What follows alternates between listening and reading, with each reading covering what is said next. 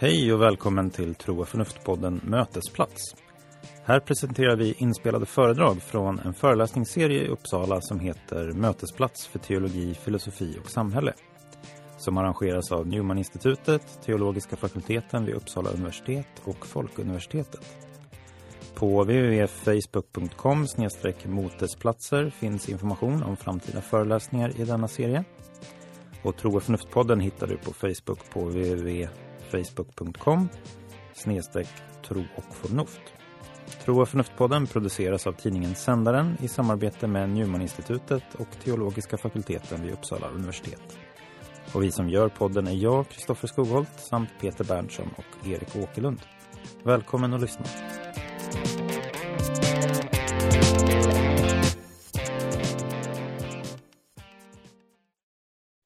Denna föreläsning från Mötesplats för teologi, filosofi och samhälle får vi lyssna till Joel Halldorf, lektor i kyrkohistoria vid Enskilda högskolan i Stockholm och docent i kyrkohistoria vid Uppsala universitet samt skribent i bland annat Expressen, Dagen och en del andra tidningar. Föreläsningen utgår ifrån Joel Halldorfs senaste bok Gudjakten om existentiell svindel i det 21 århundradet. Så jag lämnar över ordet till Joel Halldorf. Jag tänkte inleda med eh, en slags eh, eh, samtidsreflektion eller också som på något sätt tar sin utgångspunkt i en antropologi, en, ett sätt att se på människan. Alltså mm, en slags eh, Eh, fråga om vad, vad människan är och eh, vilka kulturer vi formar utifrån det och hur vi formar kulturen utifrån det. För Jag, tycker, jag tänker att de här sakerna hör, hör eh, väldigt intimt samman. Då. Eh, och, eh, och då så eh, vill jag ta min utgångspunkt i eh, ett, ett eh, ja, ni har ju då redan upptäckt det här att jag har barn och det gör att man läser ju väldigt mycket eh, barnböcker. Nu är jag inne på min andra vända av eh, Harry Potter med den sjuåring som precis ramlade och slog sig. Jag läste igenom alla sju med hans stora syster tidigare. Men jag brukar börja den första boken jag har läst för dem båda när, de, när, man, när jag kan börja liksom styra lite mot böcker som jag vill läsa. Eh, då är det Häxan och lejonet, eh, Narnia-serien helt enkelt. Och och när jag läser den, jag hoppas att ni har haft glädjen att göra det även i vuxen ålder, då finns det en replik av eh, herr Tumnus. Den här faunen, minns ni herr Tumnus, ni som har läst, som bjuder på te och tårta. Och när Lucy kommer in, då, då så kommer hon in i det här vinterlandskapet. Och då säger Tumnus att i Narnia är det alltid vinter, men aldrig jul. Alltid vinter och aldrig jul. När jag läste det så kände jag att det här är för bra. Det är någonting som pågår här. Och så funderade jag och så insåg man efter ett tag att eh, det kommer tillbaka vid något tillfälle i boken. Jag tror att det är någon av bävrarna som säger det också. Att det är eh, det här är en, eh, en slags allegori över Eh, den sekulära världen, det sekulära samhället för C.S. Lewis. Alltså vi lever i en värld där det är alltid vinter men aldrig jul. Eh, och, eh, och, och, det finns någonting så otroligt eh, eh, dystopiskt och också suggestivt i det, den typen av beskrivning i vad livet i en sekulär kultur innebär. För vi vet ju i norr här vad, vad vinter är att naturen går i det, träden kläs av, ett tjockt mörker sveper in i november och vi liksom försöker bara slugga oss igenom en, en grå, grå, trist liksom, eh, dimma under några veckor. Och vi isolerar oss i år mer än någonsin och kurar inför våra, innanför våra väggar och innanför våra eh, jack veckor och, och tittar inte på varandra knappt och sådär. Eh, och, och detta slask som förföljer oss liksom från oktober till mars. Det är, det är som att så här, det skulle inte gå, det skulle inte funka det här om det inte var för att det låg en jul mitt i eh, mitt i det här, mitt i december, när det är som allra mörkast så har vi den här högtiden att se fram emot och då tänds alla ljus och maten lagas och gemenskapen, gåvorna och allt det där. Eh, och, och, och, Det här tänker jag att det finns en slags eh,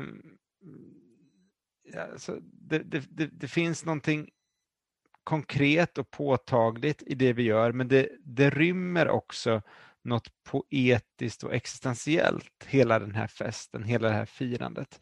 Eh, det, det, det, och jag undrar, för på ett sätt kan man säga att C.S. Lewis liksom inte har rätt, för att vi har ju, även i en, i en så sekulär kultur som Sverige, så fortsätter vi ju att fira jul. Man kan nästan säga att vi firar jul liksom mer än någonsin tidigare. Eh, börjar med julmusik i, i november och eh, fler folk än vanligt går till kyrkan. Det har blivit en del av det svenska julfirandet och det har ökat sedan 50-talet när man mätte. Eh, liksom julbordets rätter blir allt viktigare. Eh, man tar ledigt, julfilmer, alltså det finns, liksom broderas ut i detta. Så julen har en fortfarande eh, en, en viktig roll eh, och fyller den här funktionen även om den liksom töms på teologiskt innehåll i formell mening så har den kvar allt det här utanpåverket.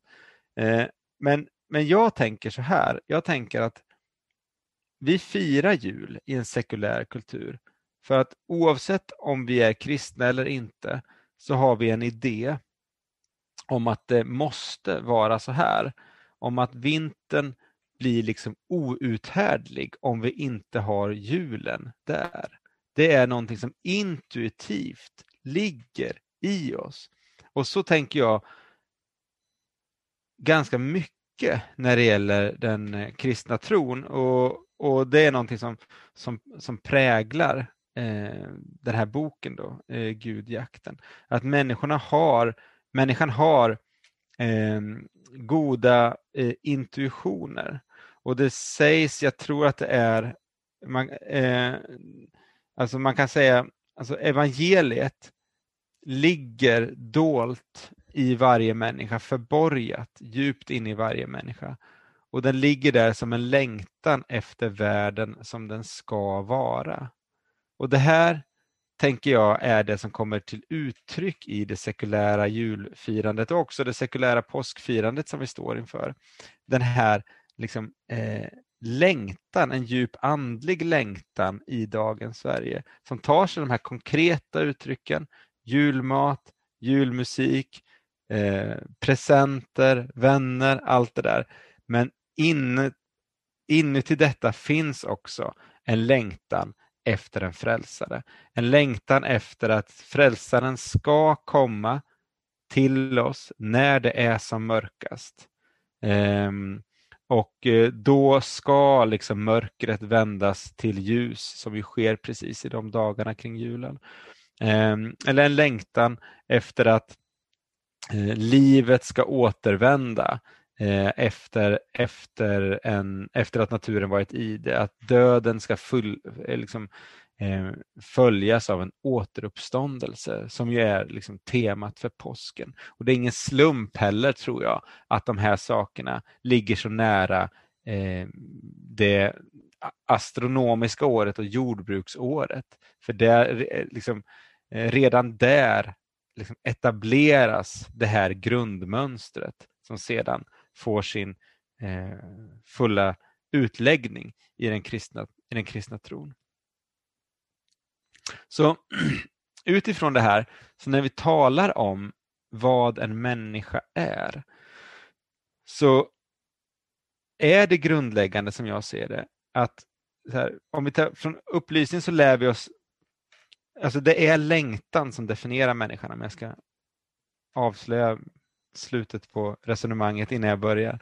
Eh, och I kontrast då till den här idén som vi har från, från upplysningen, när vi tänker på människan som ett rationellt djur och säger liksom detta med cogito ergo sum, jag tänker alltså är jag förnuftet i centrum, vi är Homo sapiens, vi är den den, den rationella, den förnuftiga arten. Då.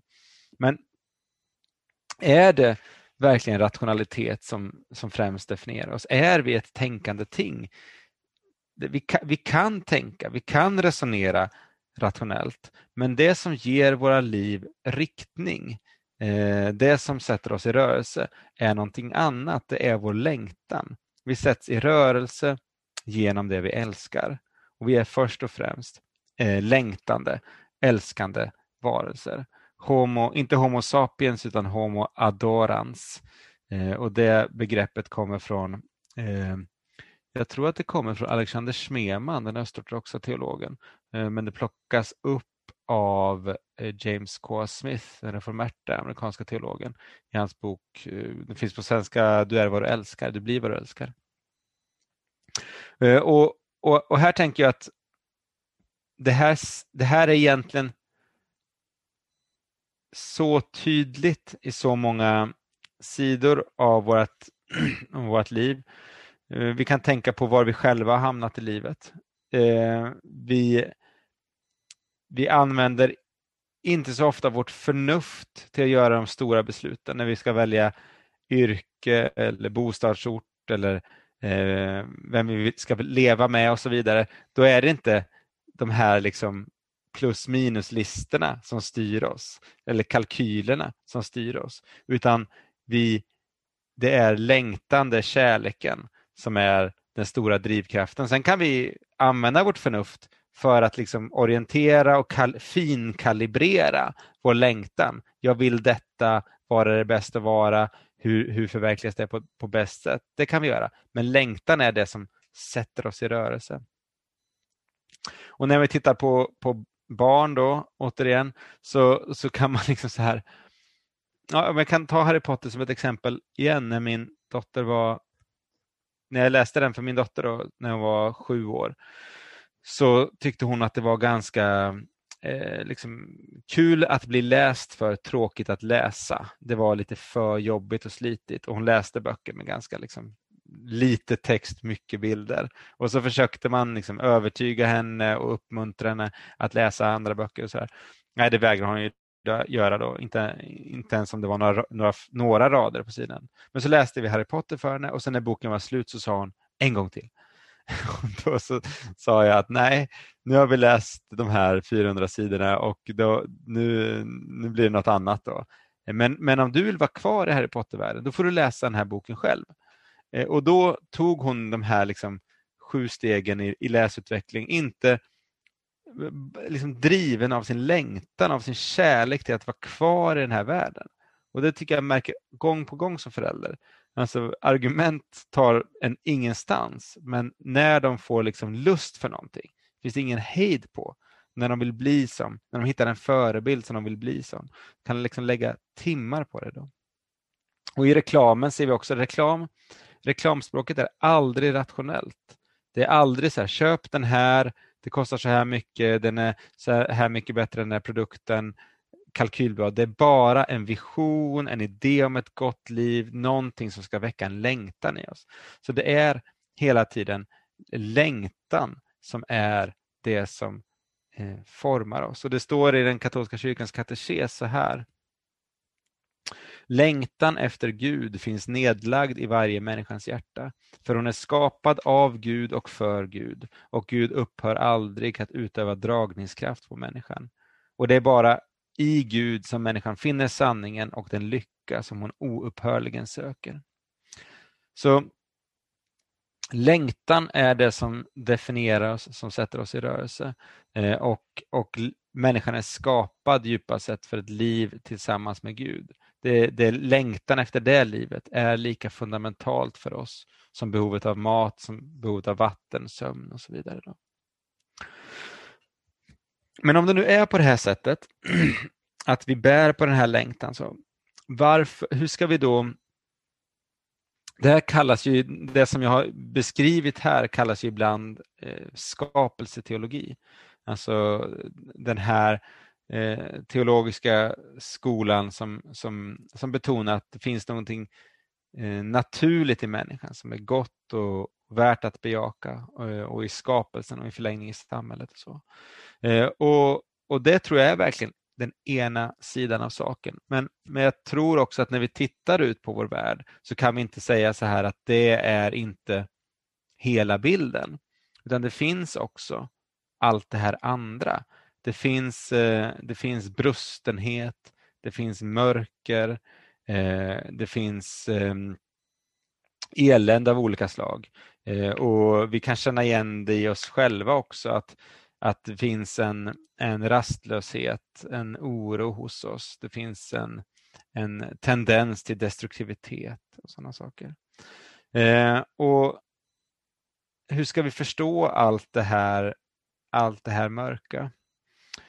Och, och där tror jag att alltså jag, jag tar min utgångspunkt mycket i en, i en, författare här som inte är så känd i Sverige men viktig i USA. Hon heter Flannery O'Connor.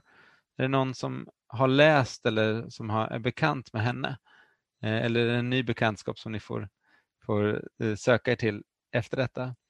Eh, Flannery O'Connor var en väldigt speciell kvinna. Hon dog ganska ung på 1960-talet. Skrev, skrev liksom mer eller mindre, en del säger skräcknoveller, men de är väldigt, är väldigt drastiska noveller. De är hon, bitvis dråpliga, roliga, bitvis liksom nästan hemska och fruktansvärda.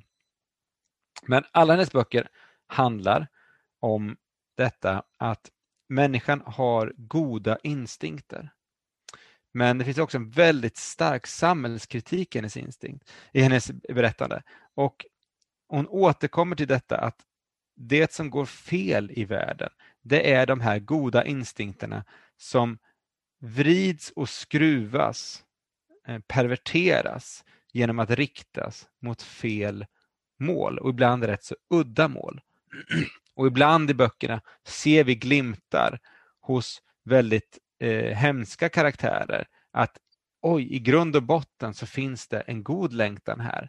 Men det tar sig det här absurda uttrycket. Det finns liksom eh, Ja, det, det, finns, det finns fantastiska karaktärer i det universum hon skapar. Eh, liksom gnälliga farmödrar och extrema predikanter och, eh, små rasistiska bönder och självupptagna konstnärer och så. Jag kan verkligen uppmuntra er att eh, hälsa på hennes universum. Eh, kanske behöver man lite, lite hjälp in för att hitta tolkningsnycklarna, men ni får några av mig här nu. Och en av hennes noveller som jag tycker är ett så bra exempel, den heter Parkers Back. Eh, eh, Parkers eh, rygg alltså. Och här så möter vi eh, en seglare som heter Parker och han har en kropp som är smyckad av tatueringar. Han är sjöman, han älskar tatueringar, han samlar på tatueringar. En örn och ett ankare och en orm och en buddhafigur och liksom kroppen är mer och mer täckt. Och han längtar, detta är hans längtan. Hans längtan är efter nya tatueringar. Men när han skaffat en tatuering så är han nöjd ungefär en vecka och sen så vaknar längtan igen.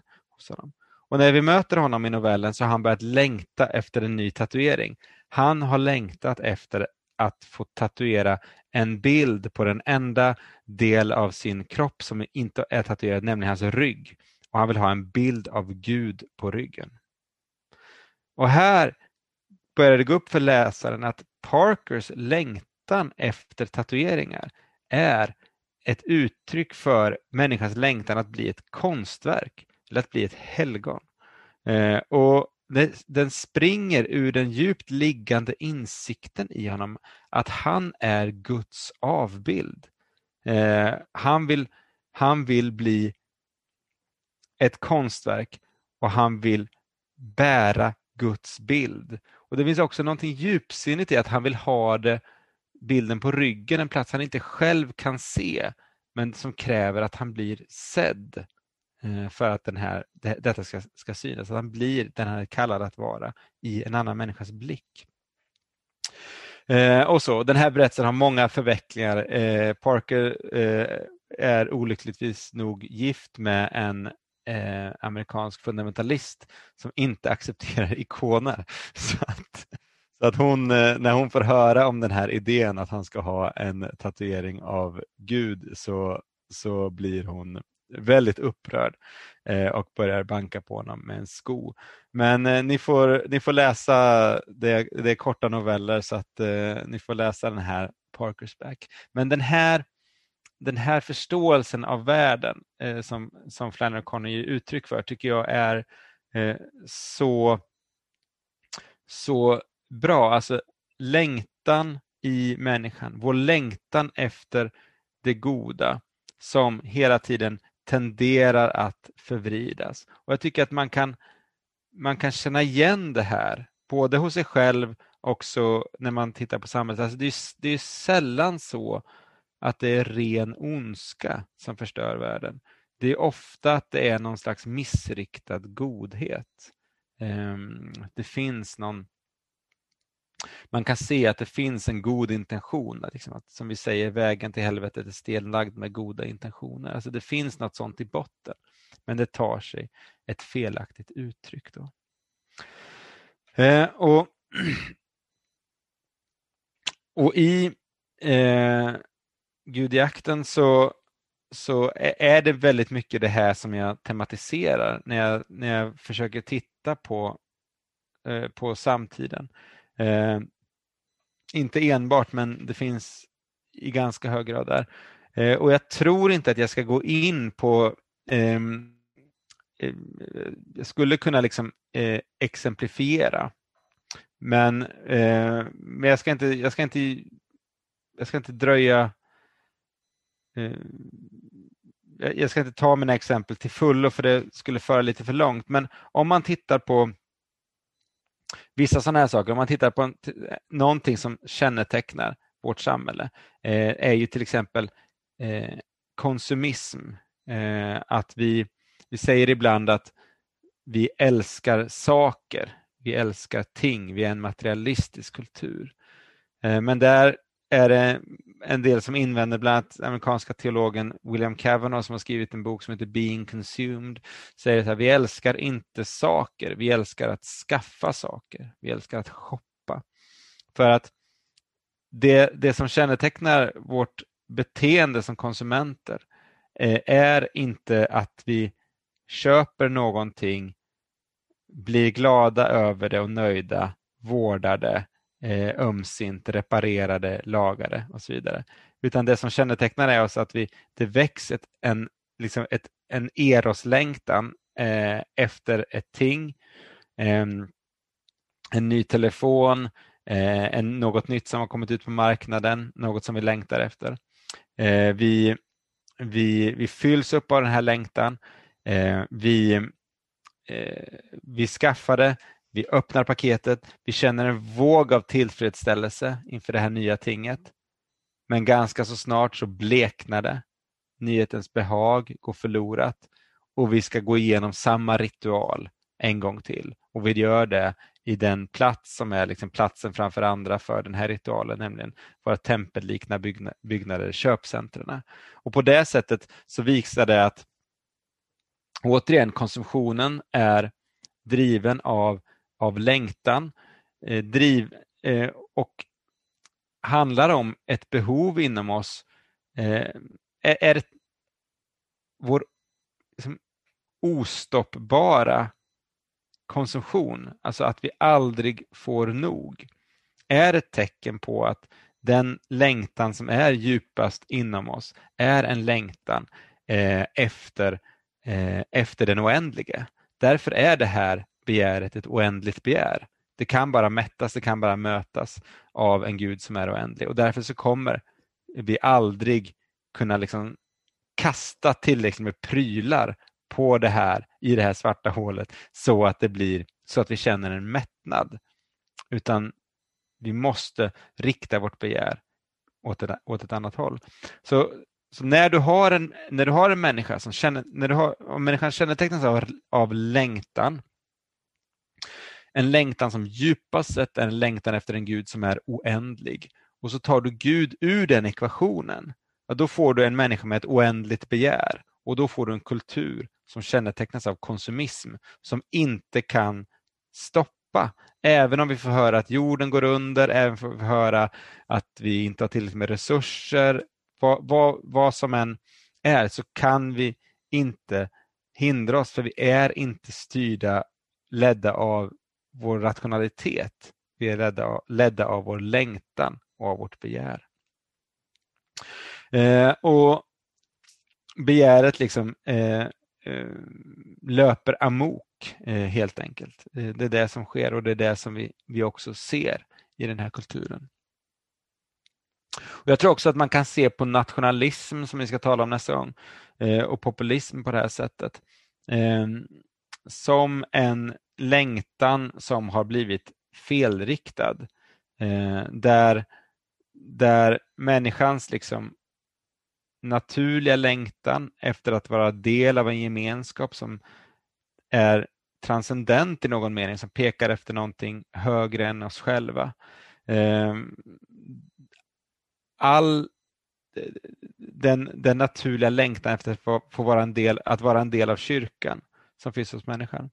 Ehm, det, den typen av intuitioner, den typen av längtan eh, projiceras istället på nationen. Och Det här är någonting som, som statsvetare eh, har, har liksom noterat. Ehm, det kallas begreppet som används eh, av en historiker som heter John Bossy är Migrations of the Holy. Alltså att när, om vi talar om liksom idén om nationen tar, fram, tar form, nationalstaten på 1800-talet och nationalismen eh, blir en kraft i samhället ungefär samtidigt som kyrkan förlorar sitt inflytande.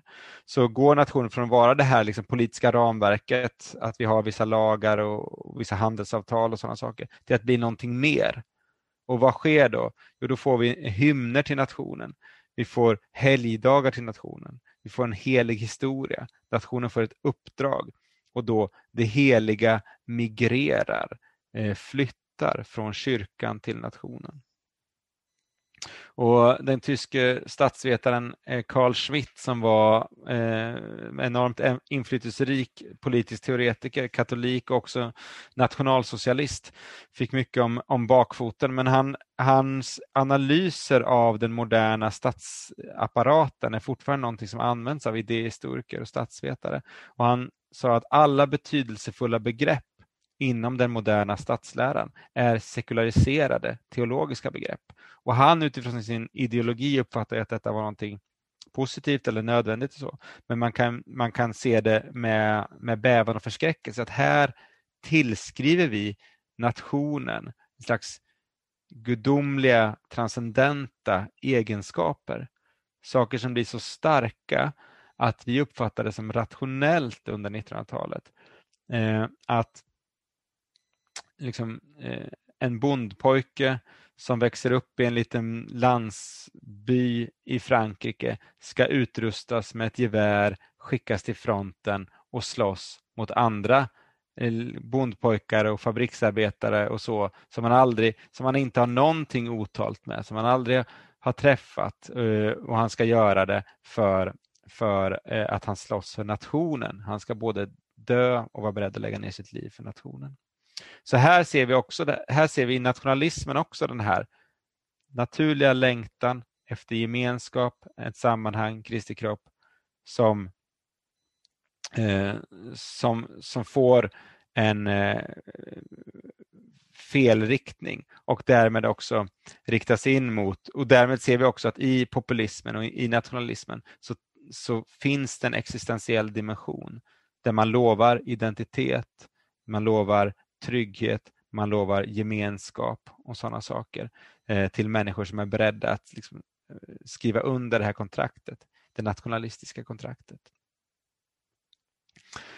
Jag tror jag stannar här eh, och sen så får vi eh, tillfälle att samtala, men det är liksom, liksom grundkonceptet för, för man säger min, min samhällsanalys väldigt mycket väldigt stor utsträckning och som gör också att jag tror att väldigt många fenomen i samtiden kan förstås eh, teologiskt. Men eh, ibland som god teologi, men i de här fallen som jag, exemplen jag tagit här som, som, som dålig teologi eh, när det gäller konsumism och, och nationalism. Men att det bygger på, här i grunden finns den här, den här längtan.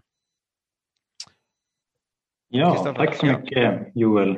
Um, vi kommer att släppa ordet fritt alldeles strax. Jag tänkte bara inleda med någon fråga, en eller två.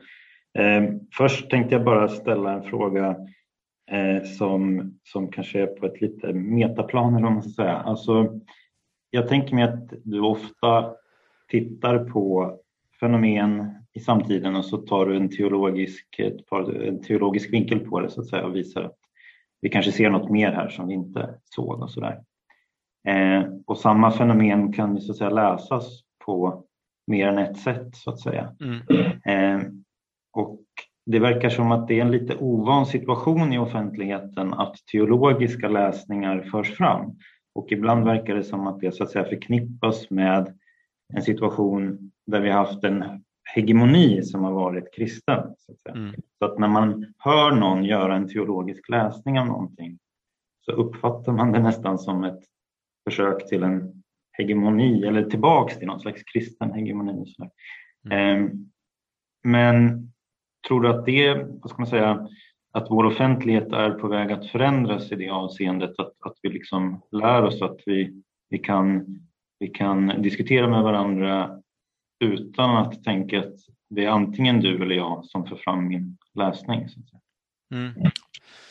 Bra fråga. Det är precis det där som är, alltså, för det första måste man, för mig som teolog är det självklart att, eh, att um, saker och ting är eh, liksom mångbottnade.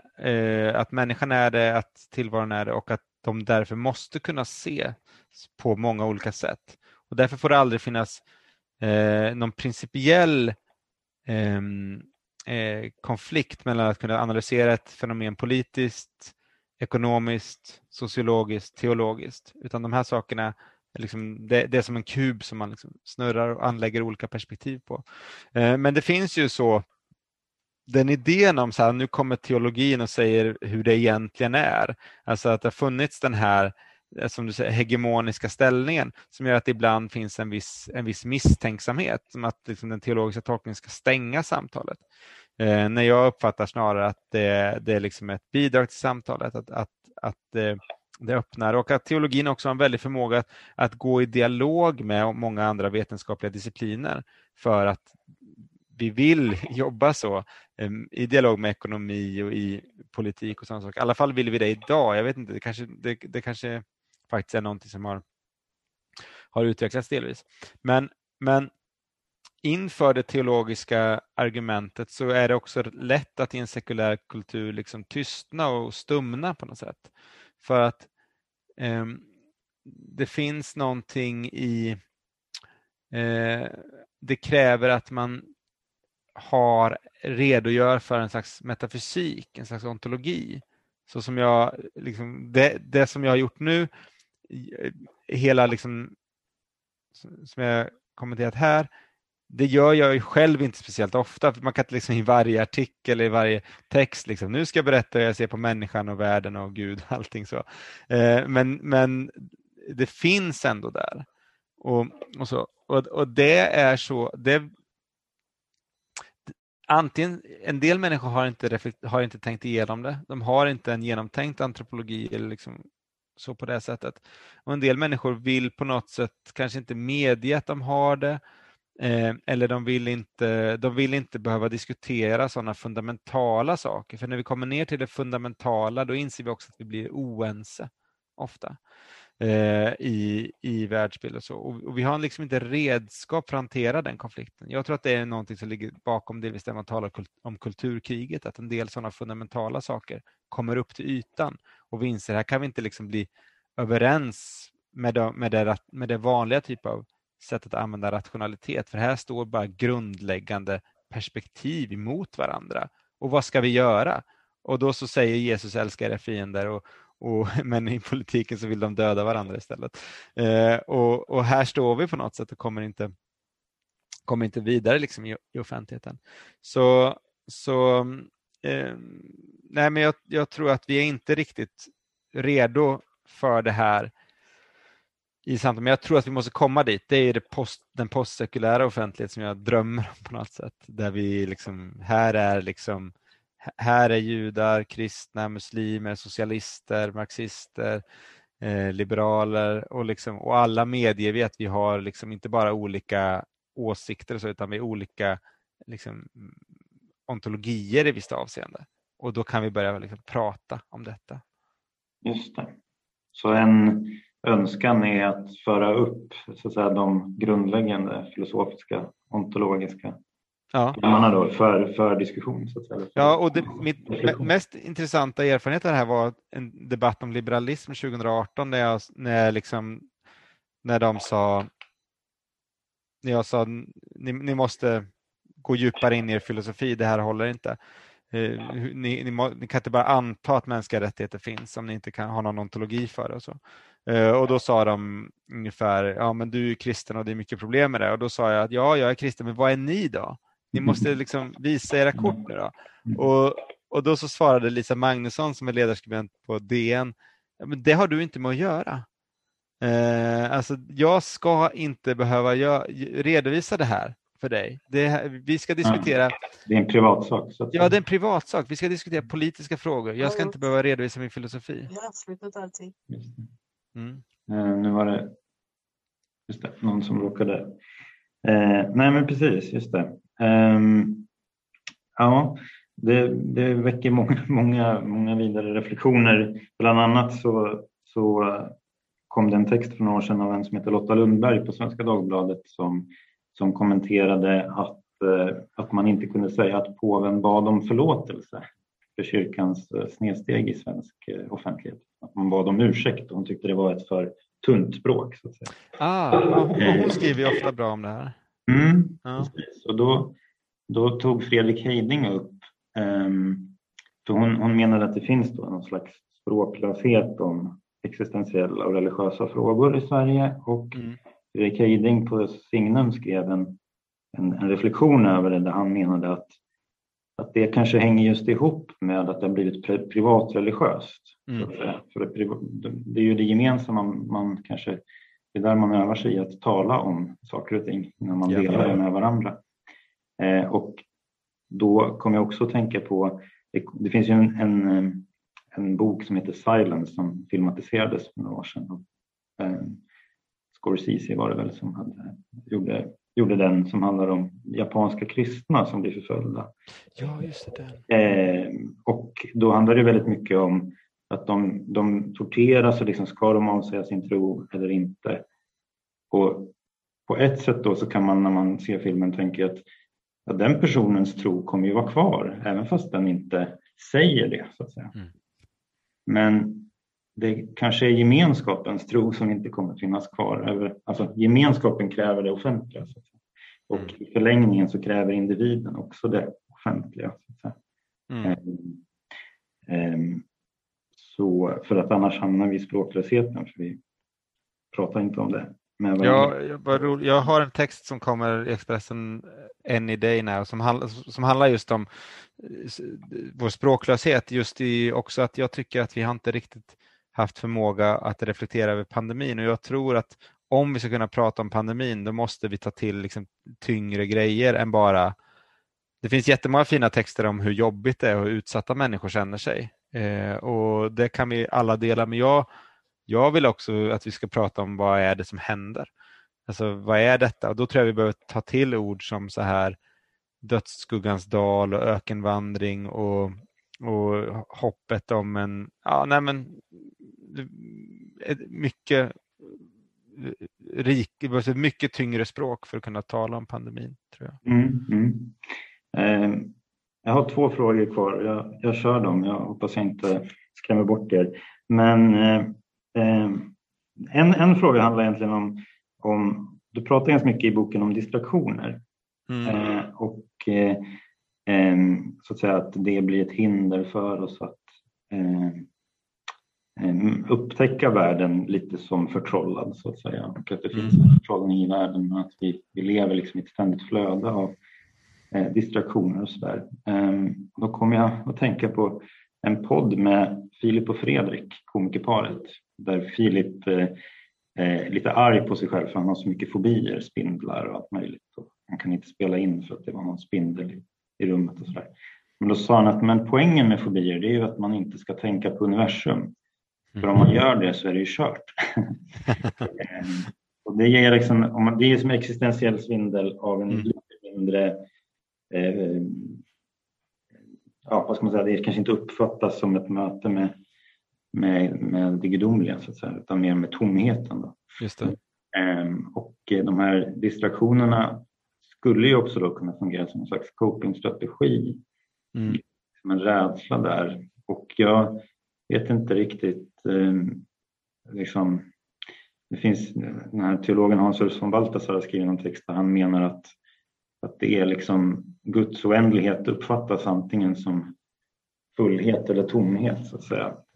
Om man möter det som så, men jag vill inte göra så. Jag tror inte det är så himla meningsfullt att säga att så här uppfattar explicit religiösa människor eh, universum och så här uppfattas explicit sekulära människor universum. Det, så är det ju inte utan det finns ju en förundran. Eller, mm. Nej.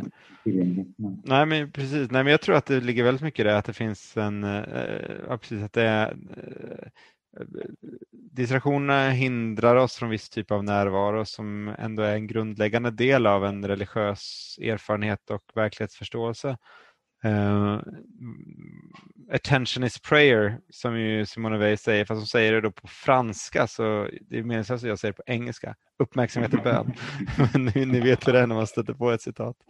Uh, och, och, och, det och det tycker jag man märker också alltså hos Knausgård märker man det, uppmärksamheten. Det blir nästan, det blir nästan i, när det är som bäst, det är nästan bedjande att läsa de böckerna. Men ännu tydligare hos eh, ni som följer Läsarpodden vet att hon är min eh, favoritförfattare Marilyn Robinson eh, som ju skriver med så otrolig närvaro. Eh, och, eh, och jag frågade henne när jag fick liksom möjlighet att, eh, att samtal, träff, intervjua henne en gång så sa jag att när man har läst dina böcker känns det som att, som att be. Och hon sa att Nej, men det är så det känns att skriva dem också. Eh, det är en sån otrolig liksom ehm, och så och, och, och, det handlar ju om att den sakramentala, alltså tingen är sakrament, potentiella sakrament. Eh, så. Men, men jag predikar verkligen för mig själv, för jag är verkligen i, eh, ofta distraktionens slav. Men, eh, men, eh, eh, men eh, om man är teolog så får man ju det, för man tror ju, man tror ju på att fullkomnat ligger framför en, inte i det man lever i nu. Mm. Så, men, ja. En sista fråga då. Du har ju ett kapitel om själens charlataner. Så att mm. Du tar upp eh, Knutby bland annat.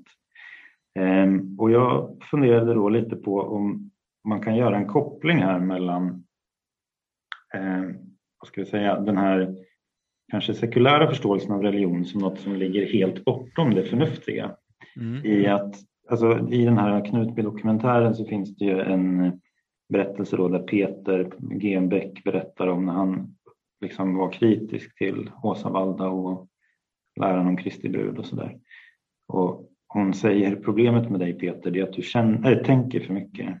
Mm. Eh, och jag menar, du har pratat lite här om att vi har goda instinkter, goda intuitioner och så här, men det finns ju viss teologi där det inte verkar så att säga, det finns en teologi som inte ger rum för människans så att säga, urskiljning eller kritiska förmåga utan du har liksom, du ska, det mänskliga och det gudomliga har ingen, ingen liksom, eh, utan det är bara bortom på något sätt. Mm.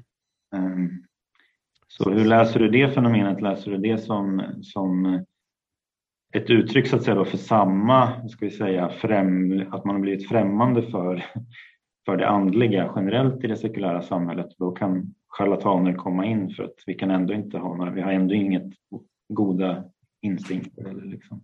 Mm. Jag tror du packar in ett par frågor i den, i den kommentaren, men, men om man tar det teologiska så, så är det ju, alltså jag, jag tror att det är, alltså jag är ju, jag, det där är ju, alltså där har Aten med Jerusalem att skaffa, alltså den, den, den frågeställningen. Och där är jag ju tomist väldigt mycket i det att som jag tror att det finns en, en, en slags kontinuitet mellan uppenbarelse och förnuft. Eh, där, där, man in, där även om förnuftet inte når hela vägen så kan det inte eh, gå emot eh, uppenbarligen kan inte gå emot förnuftet. Det, vi, det, vi, det, det som är sant är sant helt enkelt. Eh, och, så. Eh, och, och, Det finns ju den typen av sekterism som Knutby var ett uttryck för. Eh, att man inte accepterade eh, och som finns i mycket, mycket mm, eh, kyrklighet. Eh, alltså, Luther säger ju själv uppenbarligen slaktar förnuftet. Alltså han vill inte ha någonting med. Det, det har ingenting. Hans kritik mot skolastiken. Och, och, och, och, och liksom slår upp det här, den här liksom, det vattentäta skottet mellan eh, Gud och skapelsen. Där jag ju tror på någon form av analogi. Eh, även om eh, analogisk likhet, något, något eh, möjlighet att att se spår av Gud i naturen som det egentligen eh, är den yttersta formen för det. Um, men, men det är som du säger att det sekulära samhället har mycket tagit över det där tro-vetande distinktionen och att man inte kan liksom få ihop det här och, och förhålla sig till det. Eh, och, och, det är ju någonting jag försöker verkligen göra i det kapitlet, Själens charlataner, eh, där jag försöker säga å ena sidan så finns det olika rationaliteter. Alltså det finns inte en det finns inte en delad metafysik eller ontologi som är liksom det neutrala och objektiva. Utan vi har olika. Och vi står i olika traditioner. Och traditionsbegreppet är väldigt viktigt för mig, Alistair McIntyre. Eh, den, den Eh, skotsk-kanadensiska filosofen. Eh, så. Och, men när man säger så, så, så i teologin då, då handlar man, hamnar man i Yale-skolan för er som vill liksom så. Eh, och då säger, och där, där då, okej, okay, det finns olika traditioner och då säger man alltså kan vi inte prata med varandra. Alla är bara slutna i sina språkliga filterbubblor. Så pingstvänner kan prata med pingstvänner, katoliker med katoliker, marxister med marxister, men det går inte att föra konversationen mellan de här då, för att alla är sina språkbubblor. Och det försöker jag säga att nej men jag tror att vi kan, att det är möjligt att, att eh, brygga över detta. Eh, att vi kan göra oss begripliga för varandra. Eh, den kristna tron till exempel bygger, all, bygger alltid på idén, där är idén om översättningsbarhet väldigt central. Att den kristna visionen, kristna världsåskådningen kan formuleras i en politisk vision, inte bara en enda politisk vision, men den kan liksom föras över i en politisk idé. Om det liksom är, är idén om Europeiska unionen, som ju grundlagsfäderna för dem var ju, var ju katoliker, eller om det är den amerikanska konstitutionen där man drar från deism och puritanism eller så. Eh, men det går att översätta från ett fält till en annan och det går därför också att ha, att ha dialog det, eh, men man måste vara öppen med sina premisser så att man kan hela tiden utmana varandras premisser. Det är ju väldigt mycket projektet i det kapitlet och väldigt mycket eh, i, i boken som helhet kan man säga. Mm. Tack så mycket. Nu släpper jag ordet fritt och det är en som har skrivit en fråga redan här i, i chatten. Annars får man ju gärna ställa sin fråga. Men jag kan ju eh, jag läser upp den här då. Gör det. 1. Eh, finns sekulära samtalspartners som godtar tanken på att människan har en natur och riktning? Jämför Lena Anderssons hänvisning till natur. Eh, så, så eh, det var den första frågan där. Så kommer en fråga till sen. Um, ja, alltså det är ju naturbegreppet är svårt att använda för att det kan låsa fast så mycket eh, i att så här, detta är människans natur. Det blir liksom essentialistiskt, eh, som man säger, med alla de liksom, problem som, som det, kan, det kan innebära. Eh, jag tycker att mitt, liksom, det naturbegrepp jag använder är ganska ehm, är ganska öppet, för det, det ligger i, i, att det finns en väldigt stark påverkan av, av kulturen. Kulturen i form både av, av tradition och, och olika liksom, och korruption och alla krafter som drar och där finns det en väldigt stor, stor böjlighet. Men det är ju ändå så eh, att man är ganska, men jag, jag, tror att man kan säga att vissa saker som jag sa, längtan efter Gud, det hör till människans natur. Jag tror att längtan efter gemenskap hör till människans natur. Eh, det finns vissa saker som jag tror att man kan liksom hänföra dit helt enkelt. Eh, men, eh, men, men man måste också vara öppen för att det kan ta sig väldigt olika uttryck kulturellt eh, och så. Och att det finns många olika goda alternativ. Det finns inte bara ett, liksom. det, då är det det här, den här liksom, typen av kyrka, eller typen av gemenskap, eller typen av samhälle eller typen av ett gott liv, utan det här är väldigt böjligt. Och här är egentligen, det är egentligen Aristoteles väldigt mycket som vad, vad hans projekt mycket handlar om och resonera kring, kring detta. Mm. Så, jag ska bara säga om ni har en fråga, skriv gärna. Jag har en fråga så kan jag fördela ordet om man vill ställa den själv. Men skriv jag har en fråga i chatten. Okej, Anders hade en uppföljningsfråga där då. Med tanke på att längtan gärna perverteras, finns något gott nedåttrack? Askesen ett alternativ? Frågetecken. Vi är ju ändå i, mitt i fastetiden. Ja, det är en bra fråga. Jag tror att um, absolut askesen um, och att försöka begränsa oss. Um, Nietzsche som sa mycket dumt sa också en del bra. Han sa, eh, säger bland annat att andlighet är förmågan att kunna säga nej till en retning på grund av en, på tal om distraktioner. Men jag tror också att eh, liksom vänskap är det, det grundläggande här i att eh, det finns en, alltså självkännedom är, är liksom ett, ett bedrägeri eh, för helt enkelt av det skälet att vi har så svårt att se våra egna motiv. Vi har så svårt att se, se liksom vår egen korruption. Eh, och därför så behöver vi människor runt oss som berättar vilka vi är Eh, även om det kan vara smärtsamt. De berättar vilka konsekvenser deras, våra handlingar får för dem, vad de ser hos oss och sådana saker. Det är eh, och de säger när, nu berätta för oss när vi blir självupptagna eh, eller när vi, vi, vi, låter vår egen, ja, ni vet, allt man håller på med. Eh, och så. så det är väl liksom nedåt då. Eh, mm. Ärliga vänner och djupa vänskaper. Mm. Eh, Bengt eh, Malmgren, jag lämnar ordet till dig så får du ställa din fråga direkt. Okej. Okay. Jag tänkte på det här med längtan kontra fruktan. För fruktan är ju en slags eh, negativ bild så att säga av längtan. Att man fruktar för hotet att min, eh, att min väg till så att säga längtans uppfyllelse, att den är hotad. Och där har vi ju väldigt många konspirationsteorier mm. idag och vi, vi, har sett till exempel de här, ja, nu i Stockholm här var det igår det här um, marschen eh, mot eh, coronarestriktioner och där, där, man menar att det, eh, det är helt enkelt en, att vi blir lurade att den här coronapandemin finns. Och jag tänker, det har funnits liknande i Tyskland och sen har vi ju USA där, där man ju verkligen är förvånad att det är så väldigt, väldigt många människor som eh, tror på det här med konspirationen mot eh, valet och att valet är, stulet. Eh, och eh, mm. man kan ju, det har ju alltid funnits i liten skala sådana här saker, men att de här rörelserna idag är så mm. stora, det, det, är verkligen fra, fra, frapperande. Och jag undrar, är det en slags negativ spegelbild, tänker jag, av längtan. Att andra hotar min uppfyllelse av, av den längtans mål som jag har. Mm. Och det andra, det, ja.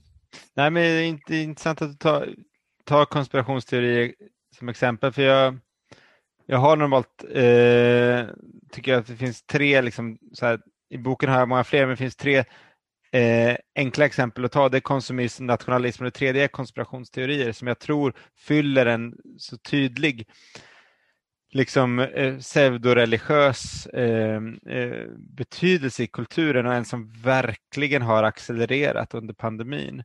Eh, och såklart här kan vi liksom, vi kan skära det fenomenet från olika håll och se på det och analysera det från, från olika håll. Eh, det är liksom isolering, eh, att vi sitter eh, liksom digitalisering och eh, hur kunskapen liksom sprids på nätet utifrån det eh, och sådana saker. Eh, så, men, men, men det finns någonting, Chesterton säger det, när människan slutar tro på Gud tror hon inte på ingenting, hon tror på vad som helst. Eh, och där kan man också se en längtan efter att liksom se sammanhang i tillvaron. Alltså tron på att det finns ett logos som genomsyrar tillvaron, som gör, det liksom, som gör den rationell och begriplig. Men, men en samtid och en politik som är så svåröverblickbar, så svåranalytisk. Känslan av att ingen styr är nästan värre än att det är en ond konspiration som styr. Och då får man den här liksom dragningen mot konspirationsteorier. Som också då i fallet med Qanon eh, knyter an så starkt till en eh, slags kristet karismatiskt eh, liksom, eh, världsbild och, och, och, tolkning så att säga, där, där man då talar om en, ja, nästan end time och messiasgestalter och sådana saker. Så att det, det kristna traditionen, liksom det, finns mycket, det, det, går att haka i på många sätt i den för, för konspirationsteorier. Det måste vi vara väldigt liksom vaksamma för. Mm. Jag hade en följdfråga där. Eh, jag skrev nummer två där. Är det så att vi kristna ibland blir snarare en del av problemet än, en del av lösningen genom att vi delar upp oss i, i samfund och att vi blir för sekteristiska så att säga och de andra samfunden upplever vi då som ett hot mot vår egen väg till frälsningen. Att eh, vi liksom helt, vi, vi gör liksom samfundet och, och vår egen idé till en avgud istället för att vi är grundade i i den här verkligen djupa förankringen i Gud. Och då undrar jag, hur ska vi komma vidare där? Är vi för mycket en del av problemet istället för en del av lösningen? Och hur bygger vi i så fall över den här språkförbistringen och fördjupar den kristna tron på ett sådant sätt att vi inte bara personligt när vi går på underbara retriter får en förståelse för det, för det här, utan att det också i samhället så att säga, att den kristna tron verkligen kan bli verksam och effektiv i dialogen med den sekulära världen. Ja, Nej, men jag tror att det, det finns en... Ehm, eh, alltså det finns, det, alltså splittringen försvagar det kristna vittnesbördet på väldigt många sätt. Eh, det, gör det, det gör det svårare för kyrkan att liksom, tala liksom, tydligt med, med en röst och sådär.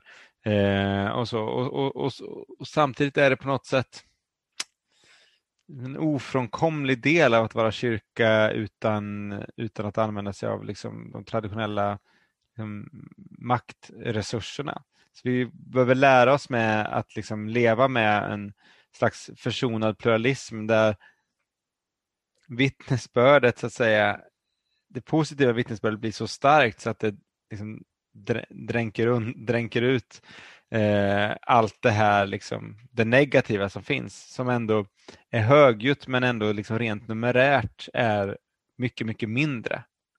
Det tror jag inte man behöver, det tror jag måste komma ihåg. Ja, det var en fråga från Anders om, eh, en, om McIntyre. Spännande. Ja, tack för det. Jo, jag tyckte det var intressant det du sa om att det, det, det mer eller mindre inneboende i kristendomen att det finns en översättningsmöjlighet eller en sån drivkraft. Och det är klart att det finns ju i meningen missionsbefallningen och allting och så, man tänker i de termerna. Men jag intresserar mig lite för McIntyre. Jag noterade då att eh, man kan ju läsa McIntyre negativt i den meningen att han ställer ju väldigt höga krav vad gäller översättningsbarhet från en tradition till en annan. Han talar mycket om vikten av att tillägna sig eh, första språk, alltså det är mm. egentligen det som krävs för att man ska kunna eh, nå in till de andra. Va, liksom. Och då tänker jag i termer i det offentliga samtalet, ställer man sådana höga krav på att alla ska behärska ett för, flera första språk, så är det ju orimligt. Alltså mm. den, den, svagare varianten, det handlar väl om det här med Michael Walls om det tunna och tjocka värderingar. Det kanske räcker med att de kristna går ut förankrade i sina tjocka värderingar och i sina drivkrafter och på något sätt gör en minimivariant ut som kan finna samtalspartner i det sekulära. Och sen kan man inte Sen får folk ha vilka drivkrafter som helst men de får inte strida mot varandra i, i grunden. Mm. Ja, det var en alltså det här med översättningsbarhet är centralt tycker jag. Det... Ja, precis. Nej, men precis. Och det är som du säger, liksom det, det är missionsbefallningen som är liksom det, det grundläggande där eh, och idén om att evangeliet kan ta gestalt i varje kontext. Men det är intressant med, med McIntyre där. Um, can you speak um, second first language? Eh, och Det är klart att om man som när man som minoritet eh, och, och, och, när man som fördelen man har som minoritet i en, i en offentlighet är ju att man är faktiskt i väldigt hög grad språk, tvåspråkig. Man kan en slags sekulär majoritetsdiskurs i väldigt, väldigt hög utsträckning. Man kan, men man ser den också utifrån eftersom ens första språk då eh, Eh, är ens kristna tradition. Eh, som man har möjlighet att ja, ibland så kan man ju den sämre. Man får liksom det, det är ett jobb att liksom komma in i och, och verkligen förstå den. Eh, men din, följ, din uppföljande liksom reflektion där att alltså, jag tycker att eh, rent kommunikativt så måste man ju tunna ut hela, hela tiden. Eh, det är eh, liksom det, det, det är, är ju, jag skriver, det jag skriver på Expressen, eh, så då, då, då, jag kan ju inte på 3000 tecken eh, liksom ge en fullödig metafysik och jag kan inte ens göra det jag skriver om full rättvisa. Så jag måste bara släppa det eh, och, och tänka att jag liksom eh, ger, ger, en, ger, en, ger en ganska liksom, tunn version av mitt första språk. För att den som är, men för att jag ändå tycker att det är värt att det finns där. För den som vill söka sig vidare i det. Ehm, det får inte vara falskt. Och det får inte vara liksom så. Men det, men det blir, det blir liksom populariserat. Men jag tycker att det kan finnas någonting ganska, det är inte säker på att det är det Walter menar med liksom tunna värderingar, men, men det finns någonting där som jag tycker ändå är ganska liksom, liksom inte riktigt tänkt färdigt kring det. Vad det är man gör egentligen när man liksom när man tunnar ut. Men det, det finns någonting folkligt i det som jag uppskattar väldigt mycket och som jag tycker också ligger väldigt nära i, i liksom kyrkans kallelse att inte bli liksom elitistisk. Då får man då får man också möjlighet att presentera djupa saker i, i enkel form kanske man ska säga snarare än tunn. Jag vet inte. Ja, jag har inte, för, tack för en jättebra fråga. Jag, jag måste tänka vidare på det. Um, ja, då tror jag det är PO som har en fråga. Lämnar ordet till dig. Ja, jag hade en liten fundering utifrån... Jag läste ju din förra bok, Gud återkomsten, som jag uppfattade hade en väldigt positiv ton inför framtidsdiskursen. Ifall jag tolkade det rätt så såg du en eh, offentlighet som skulle bli mer och mer eh, öppen och van med att handskas med olikheter. Mm. och i den här senaste boken så, eh, nu kan det hända att jag inte att jag bara letade fel. Men jag, men jag uppfattar inte att du har kommenterat eh, hur den utvecklingen har fortgått mellan de här två böckerna. Så att jag tänkte att jag kanske kan få den samtidsspaningen nu istället. Ja, spännande. Um, um, ja, jag, jag, återkomsten slutar ju med en slags skiss över liksom två liksom möjliga eh, scenarier där ett är mer positivt och ett är mer negativt. Det gäller i och för sig mer politiken. Um, men jag, jag är mer på det här, liksom inne på att det, det postsekulära är liksom en, en nödvändighet eh, och att det, det, det, är dit, det är dit vi, vi måste gå för att, för att annars så får vi totalt liksom kommunikativt eh, eh, breakdown där, där också väldigt många inte kommer få få plats och sådär. Eh, och där är jag ju väldigt mycket så här, jag hakar ju an väldigt mycket med, med andra religiösa minoriteter just i det, i, i den liksom, i det offentliga uppdraget. Alltså jag menar att våra öden är sammanlänkade.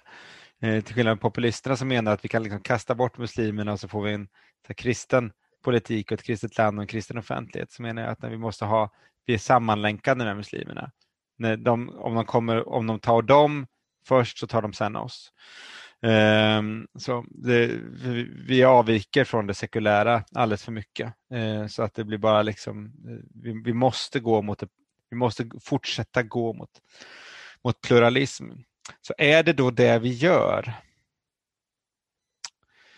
Svårt att över, alltså jag vet inte. Alltså det är svårt att över, alltså, det, det finns ju en, en, pågående det finns ju de här motst, motsägelsefulla trenderna i samtiden. Den pågående eh, liksom, eh, sekulariseringen av majoritetsbefolkningen som ju då tar sig uttryck i en enorm okunskap att ens liksom närma sig eh, att, att kristen tro är något annat eller att religiös tro är något annat än idéer man bär i huvudet. Att det är konkreta praktiker, att det är djupa övertygelser och sådana saker. Eh, det är klart vi ser eh, svensk offentlighet har kanske inte imponerat på mig jättemycket de senaste månaderna när det gäller liksom hårddisciplinerad corona och ja, när, när, olika typer av känsliga frågor med liksom också någon liten religiös touch kommer upp så då blir man kanske lite mer mörk i sinnet. Men det är som vi får tänka att man tänker i århundraden. De har liksom någon har klockorna men man har också tiden på sin sida. Man kan också ha tiden på sin sida. Så jag, jag, har, ja, jag är väl ändå, jag, jag, är ganska optimistiskt lagd. Sen vet jag inte om jag liksom egentligen har fog för det när man granskar det. Men är annars det. Eh, Bertil dig. Så, hörs jag nu? Ja. ja. Eh, jo, du talade i början om eh, längtan som löper amok eller perverterad längtan. Mm. Och sen snuddade du i en bisats bara vid Knausgård. Eh, jag har precis läst, jag läste igår ut eh, Morgonstjärnan. Mm. Eh, och jag har inte läst någonting alls av honom förut och vet egentligen väldigt lite om honom. Sådär. Eh, jag har inte läst hans, eh, hans kamp, eh, Min kamp eller, eller så. Eh, men är det fråga, är det rimligt? Han, han brottas ju väldigt mycket med döden och ondskan och eh, och någonstans låter han en av karaktärerna också uttrycka det här att, att eh, i hans eh, kyrka, i norska kyrkan då, så det finns inga svar att få, det är alldeles för flummigt. Det, mm. Samtidigt som man ger en, en, fantastiska bilder av hur en begravning går till. Och hur ja, det, porträttet av prästen är ju väldigt fint också tycker jag. Ja, ja. Eh, men är det rimligt att, alltså jag tolkar honom så här att, att att han egentligen beskriver en just den perverterade längtan. Alltså det är väldigt mm. mycket av eh, orger i sex och dryckenskap och mm. makt och eh, eh frosseri och, och allt mm. möjligt. Och så kommer det liksom till den här krisen eh, eh med eh, kanske tidens slut eller, mm. eller djävulen som bryter in med full kraft eller vad det är. Alltså, eh, är det så att han på djupet verkligen brottas med de här frågorna? Tänker du så? Eller, eller eh, Ja, alltså jag tycker att den boken var, vi gjorde en läsarpodd om den, där pratade vi, så, där pratade vi en timme så, så då blir det, det kan jag, så länge ska jag inte prata nu men jag får nästan lust att göra för att den är så rik.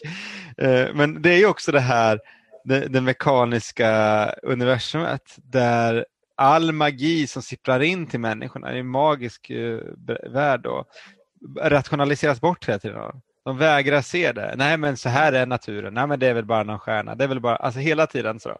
Och, och liksom kosmos liksom bankar på deras fönster. Och där finns det någon slags bild av av liksom människan inför tillvarons mysterium eh, överhuvudtaget.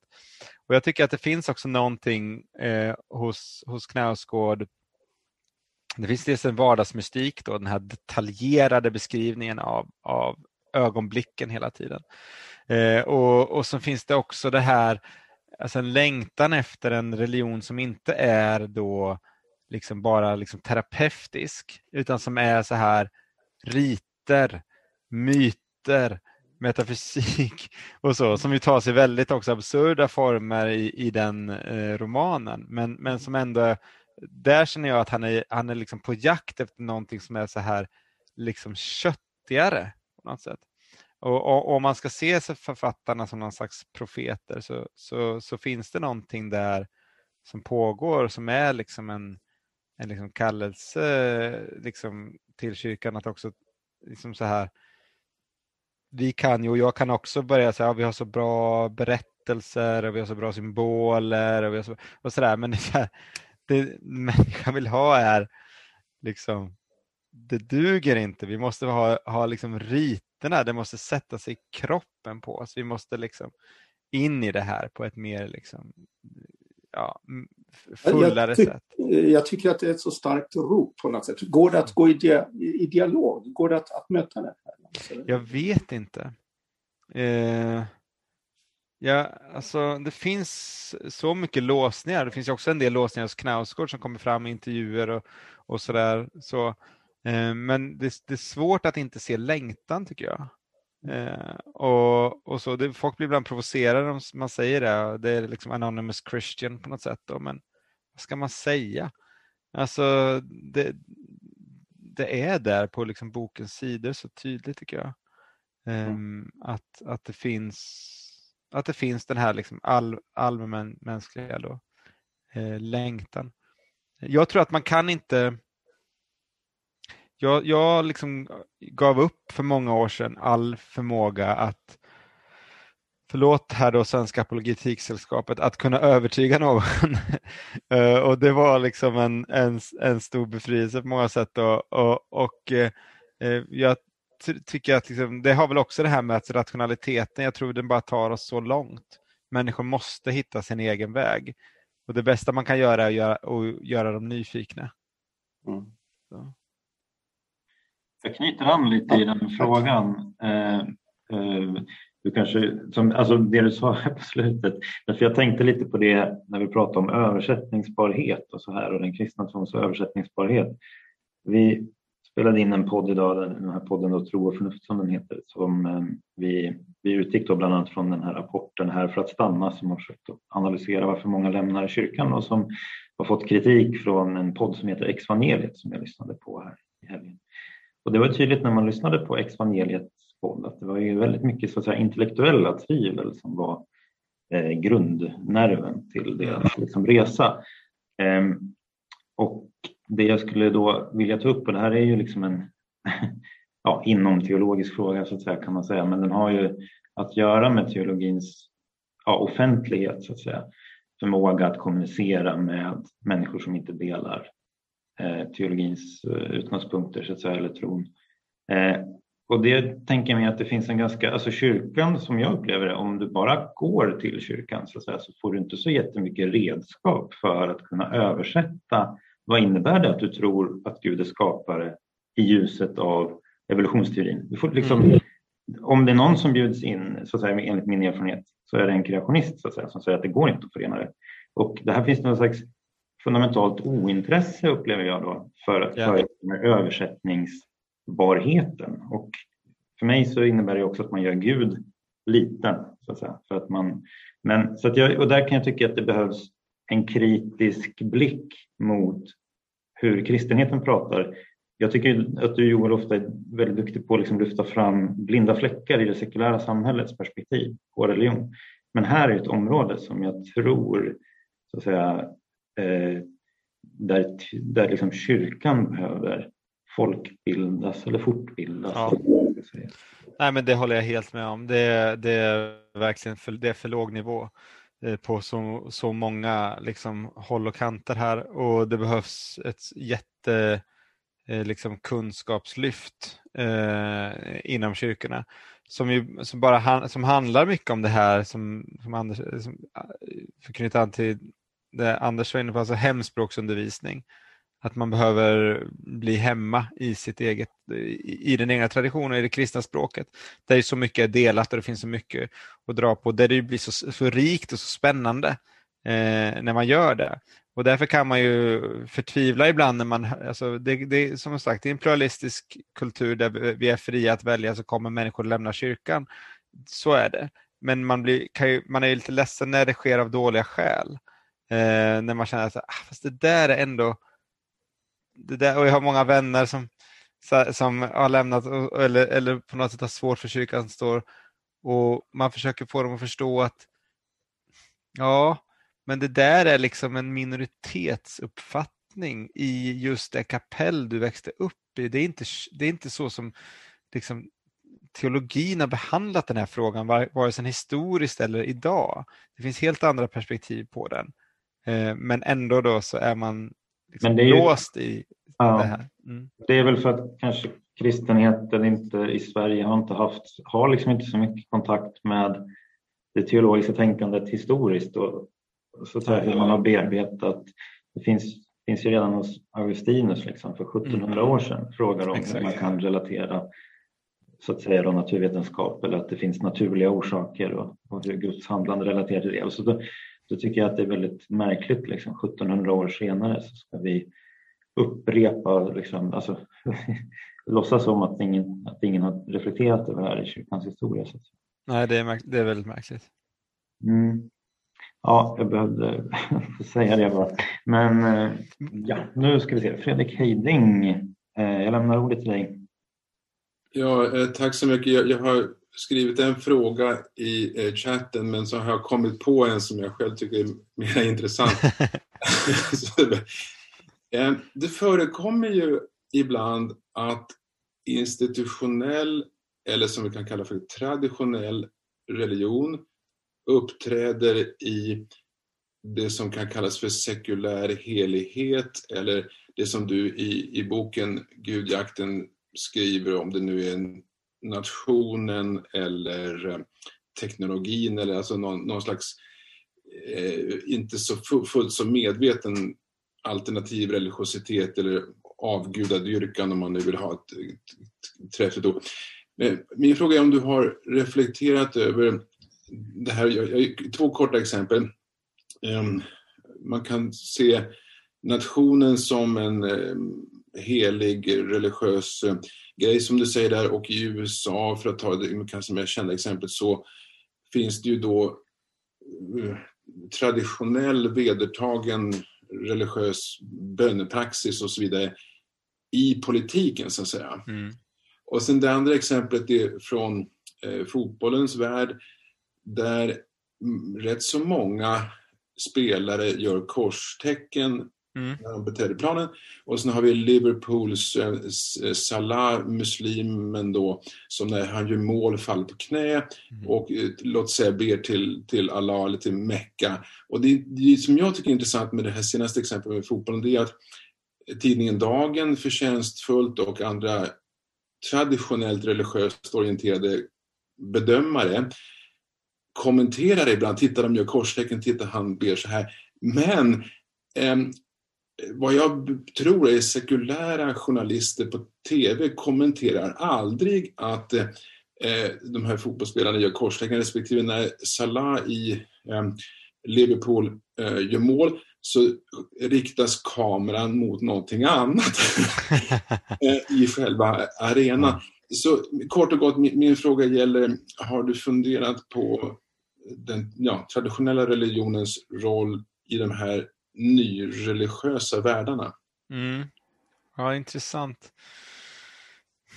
Ja, Alltså det är ju, det, och där ser, ser, man ju ofta att det finns, för, för började sluta, en medial liksom, tafflighet för det när man tenderar att klippa bort sådana här religiösa referenser. Det här med, med påven bad om ursäkt, påven bad om förlåtelse. Eller det var också det här fallet i, i, i USA där, där, där en familj förlät den här polisen som hade eh, skjutit deras son eh, och liksom hela hennes, hela motiveringen till det eh, klipptes bort. Då, man, och, och, och jag vet, man vet liksom inte var man ska stoppa det, tror jag. Liksom, vilket fack hör det här hemma i?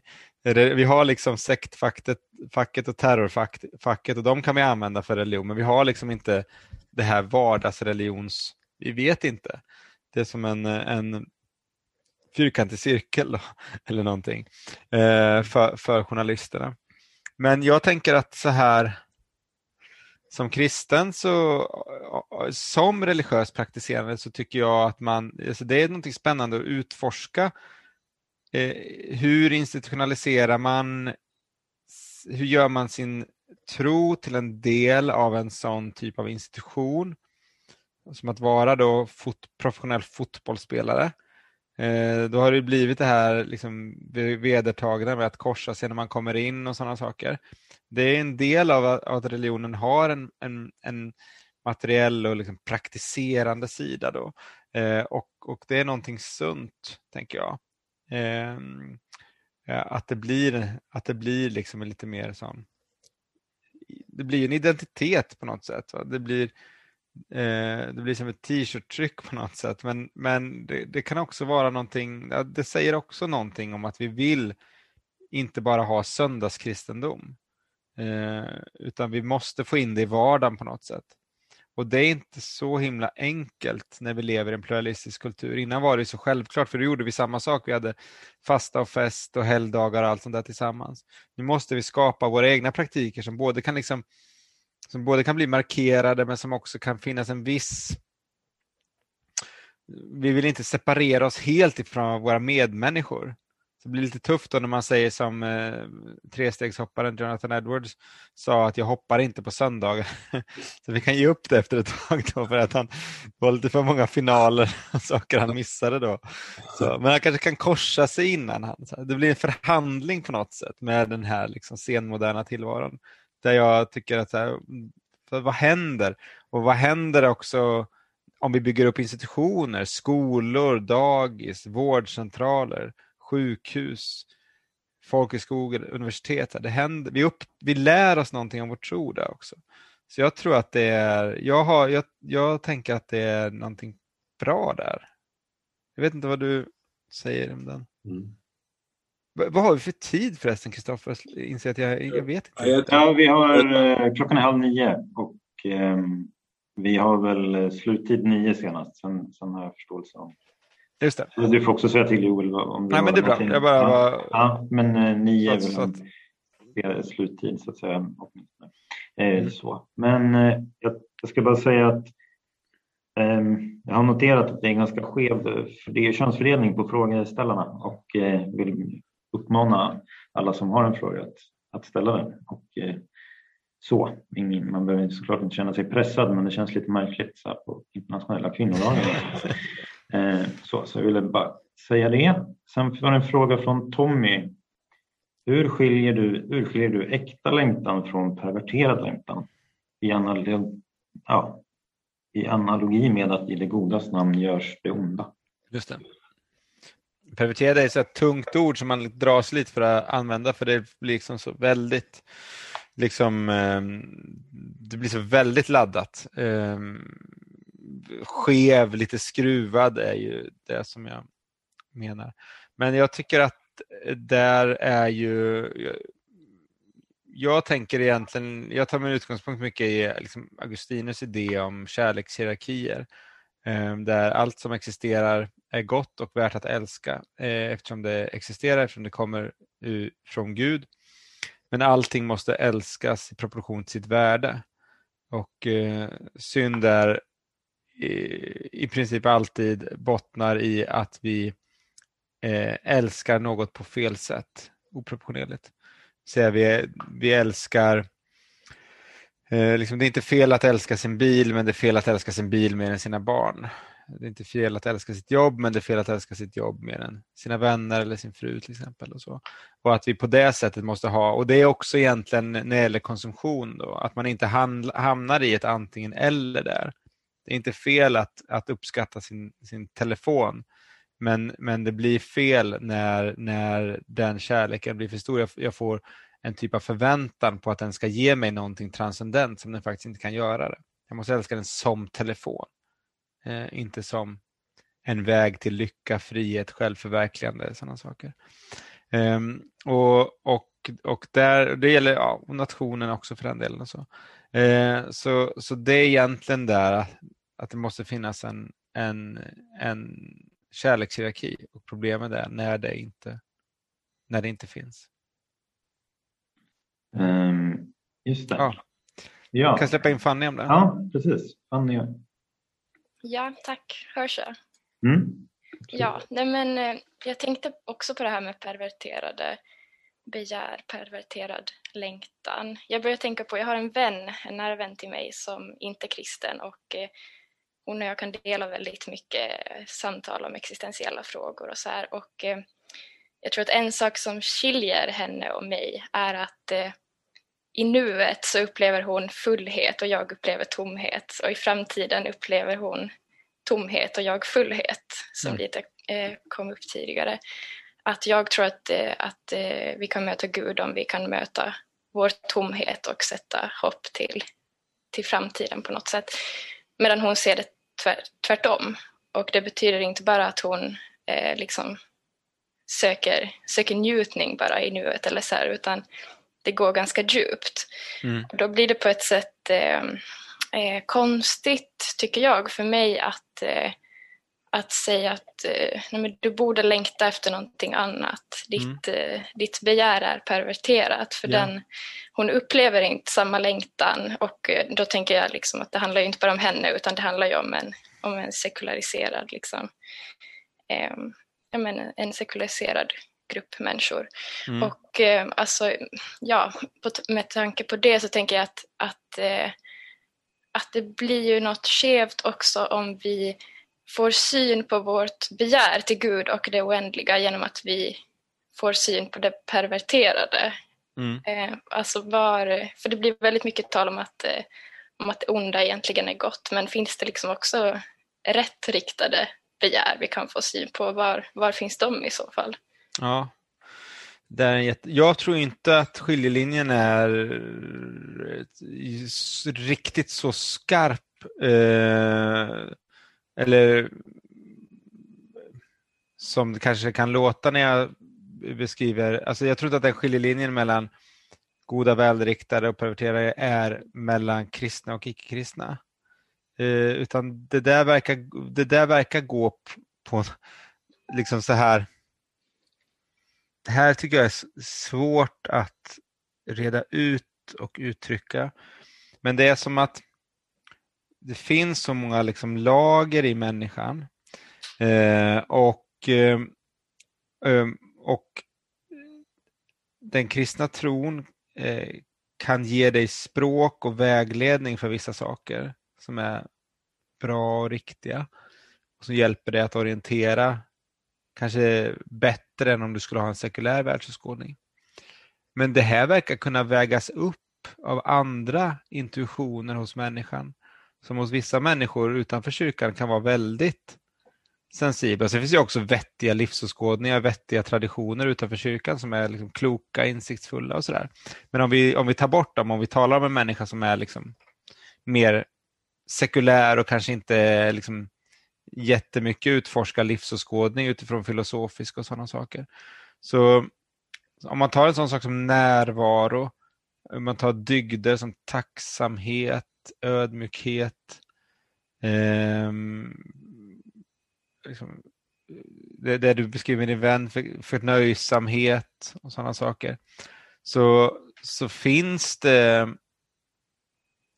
eh, finns det starkt hos en människa så verkar det kunna vara så att som en, den här människans liv blir liksom på ett slags naturligt sätt väldigt eh, får en väldigt god riktning, eh, tänker jag. Um, och eh, då har man ju själv ofta, upplever jag, mycket att lära i mötet med dem, med de personerna. Eh, och, och nästan någon... Mm. Det är inte bara liksom det här Augustinus, de goda hedningen-diskussionen, utan det kan man nästan upptäcka det där det blir nästan exceptionella personer som han måste ta till för att hitta någon som han möjligen kan lära sig något litet av utanför kyrkan. Utan det, det tycker jag man möter nästan hos, hos var och en, då, att här finns det någonting. Då. Så, så liksom dessa, man säger, det, det diskursivt kristna tror jag är verkligen en hjälp, men det också verkar finnas så mycket annat i människan också. Um, och också får vi också ta in här då att vi liksom, som man jämför med Augustinus som levde i en kultur som var väldigt brutal, hednisk kultur med gladiatorspel och slaveri och sådana saker. Eh, så lever ju vi ändå också i en kultur som är väldigt formad av, av eh, liksom kyrkan under, under många år och det gör ju också att det finns också eh, sådana typer av liksom, idéarv och värderingar och så som är väldigt goda. Jag vet inte om det här liksom är min, är min beskrivning klaffade med det, det du försöker fånga in? Mm, jo, men det tror jag. Eh, ja. För du uppfattar att, henne, du säger att hennes, hennes liksom erfarenhet av nuet är inte liksom det är inte, det är inte, som du säger, det är inte liksom hedonism i den meningen utan det är snarare en ja, mina ord var liksom förnöjsamhet, tacksamhet, alltså det, en sån glädje. Jag, jag tänker att det handlar väl om att människan vill greppa det som är greppbart på något mm. sätt. Um, och, eh, och det blir ju i någon mån nuet som är mm. greppbart. Um, eller som vi tror att det är, är greppbart. Men uh, att en kristen tro alltid strävar bortom eh, bortom nuet. Mm. Eh, mot en, en, en fulländad fullkomlighet som, som är här men ändå inte på något sätt. Eh, ja. Mm. ja men jag, jag får en reflektion utifrån din fråga där jag brukar ibland tänka på Platon har den här grottliknelsen om att människorna lever i en grotta och så ser de skuggorna på väggen och där borta finns den verkliga verkligheten och så blir en, skulle det liksom kunna bli en analogi för vår värld här då om man, om man betonar den transcendenta världen på bekostnad av den här världen och så. Men jag tänker mig då att om man istället ser den här världen som en försmak på Gud så blir den här världen ännu mer laddad. Så nu mm. blir ännu mer laddat för att den har en relation till Gud. Men det går så att säga att, att tänka på den relationen på ett sätt som gör att nuet blir uttömt istället på mening och, och det enda meningen finns där borta. Och det tänker jag mig är två olika sätt att tänka relationen mellan skapelsen och Gud. Liksom. Mm. Eh, som, som, som gör som ger lite olika laddning åt skapelsen och olika existentiella förhållningssätt. Mm, precis. Nej, men det tänker jag också att det, fin det, det, det finns en i, man kan intuitivt eh, liksom erfara att tillvarons sakramentala karaktär på ett sätt så att det är en, uppstår en slags mättnad.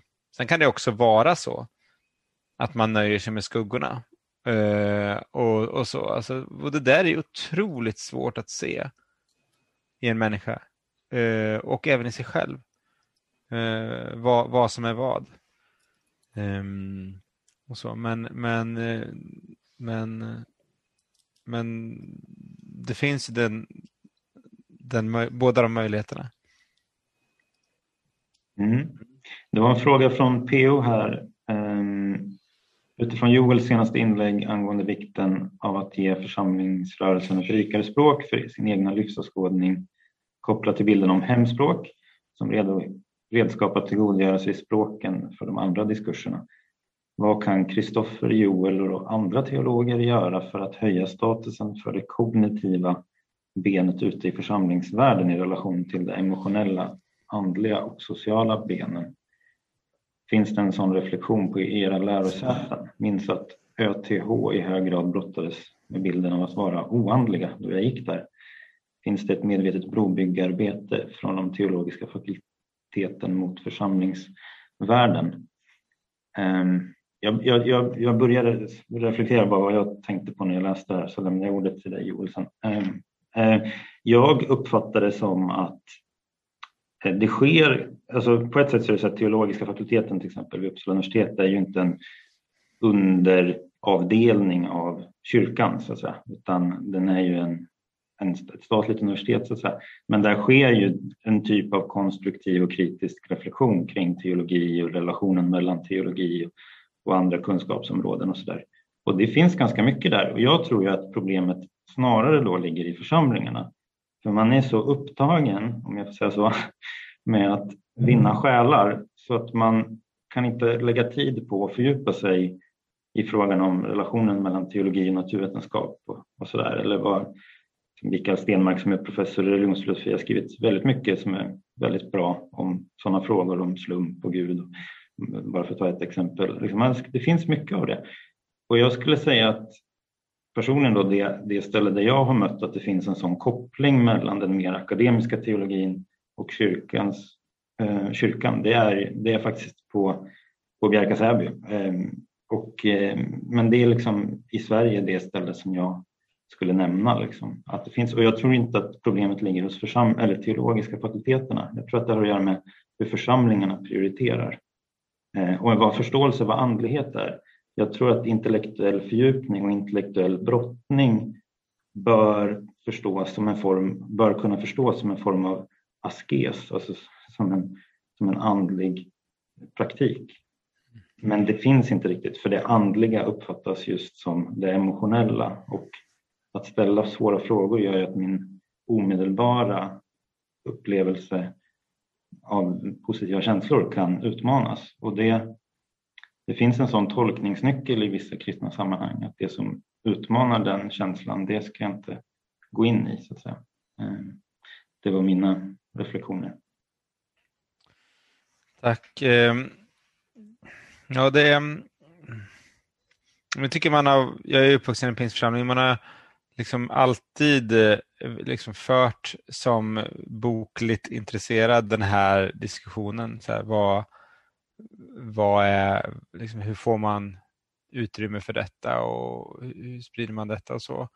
Eh, och eh, det är sant som Gustav säger att liksom, eh, församlingarna inte gör intresse, men man ska också sådär eh, det är inte så att det finns ett massivt intresse från församlingsborna där man kan, liksom, så här, när man gör någonting i en lokal församling. Det är inte så att man liksom fyller Globen direkt så, eh, kring det. Utan man, det. Och det har olika orsaker. Det har liksom att det ska tajma över människors liv och det, alla har inte ett djupt intellektuellt intresse och sådär.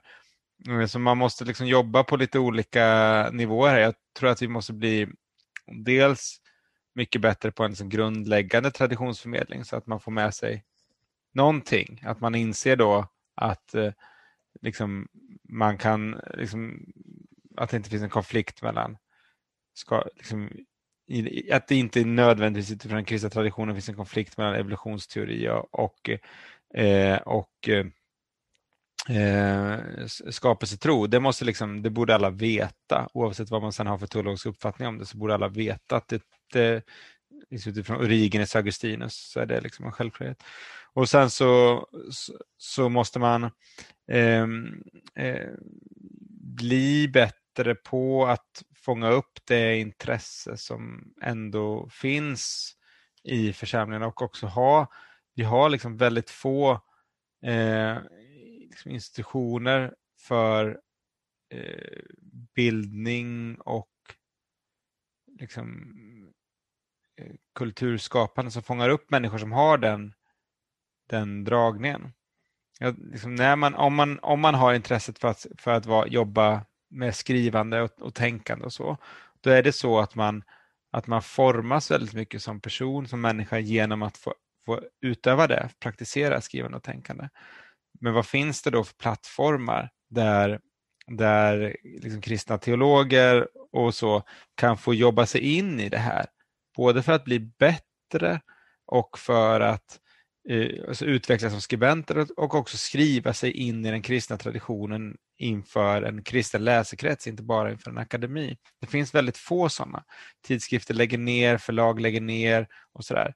Vi har liksom inga system för att eh, fånga upp eh, eh, sådana som har det här intresset. Eh, och där, och speciellt när jag säger vi som menar frikyrkan, för, kan inte överblicka Svenska kyrkan, men jag noterar att de liksom spottar ut doktorander och doktorer och docenter och professorer i parti och minut på en mycket mer begränsad liksom, eh, församlings... Liksom, eller, där, där, där liksom, eh, eh, jämfört med frikyrkorna, som det är jättesvårt att i liksom, traditionella eh, ett sånt bildningssamfund som Missionsförbundet och ännu mer i pingströrelsen att hitta en, en disputerad doktor som kan ha en tjänst på en teologisk högskola. Till exempel, jag ta ett, ett, ett, någon, exempel för någonting som är, är nära.